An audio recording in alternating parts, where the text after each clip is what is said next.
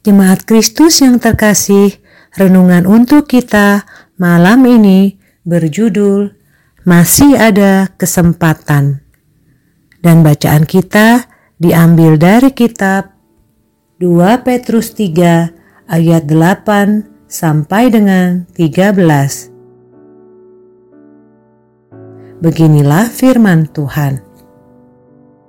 Akan tetapi, saudara-saudaraku yang kekasih, yang satu ini tidak boleh kamu lupakan, yaitu bahwa di hadapan Tuhan satu hari sama seperti seribu tahun dan seribu tahun sama seperti satu hari. Tuhan tidak lalai menepati janjinya, sekalipun ada orang yang menganggapnya sebagai kelalaian.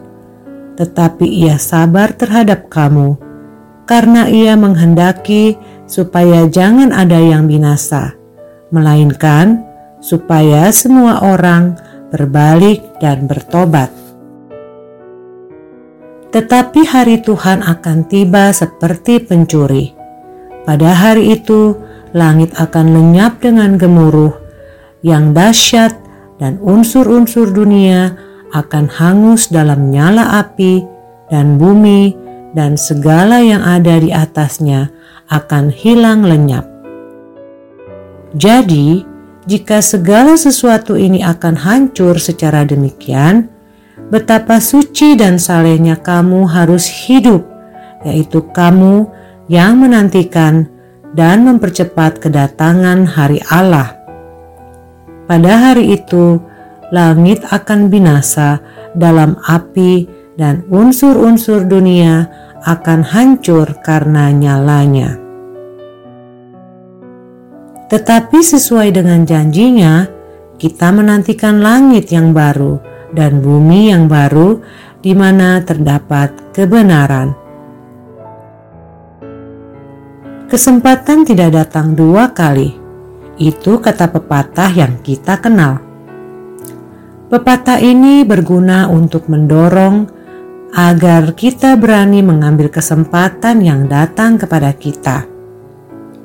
Dan rasanya kita sepakat kalau pepatah ini adalah sebuah pepatah yang bagus. Ada perspektif lain dalam membicarakan kesempatan.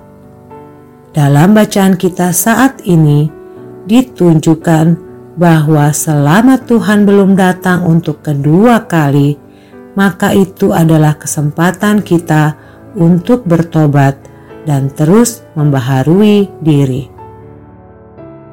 Ini bukan sebuah kelalaian seperti yang banyak dikatakan oleh orang dengan mengatakan Tuhan berbohong, padahal mengatakan akan segera datang kembali ke dunia. Justru Petrus menegaskan bahwa kedatangan Tuhan tidak dapat diprediksi kapan itu terjadi. Mau bagaimanapun kita mengusahakan, pasti akan gagal untuk menerka kapan Tuhan datang. Oleh karena itu, mumpung kesempatan ini masih ada, baiklah kita mempergunakannya dengan baik. Jangan sampai ketika Tuhan datang, kita sedang melakukan dosa dan memakai waktu dengan tidak bijak. Pakailah waktu anugerah dari Tuhan, maka selamatlah dirimu. Demikianlah renungan malam ini. Semoga damai sejahtera dari Tuhan Yesus Kristus tetap memenuhi hati dan pikiran kita. Amin.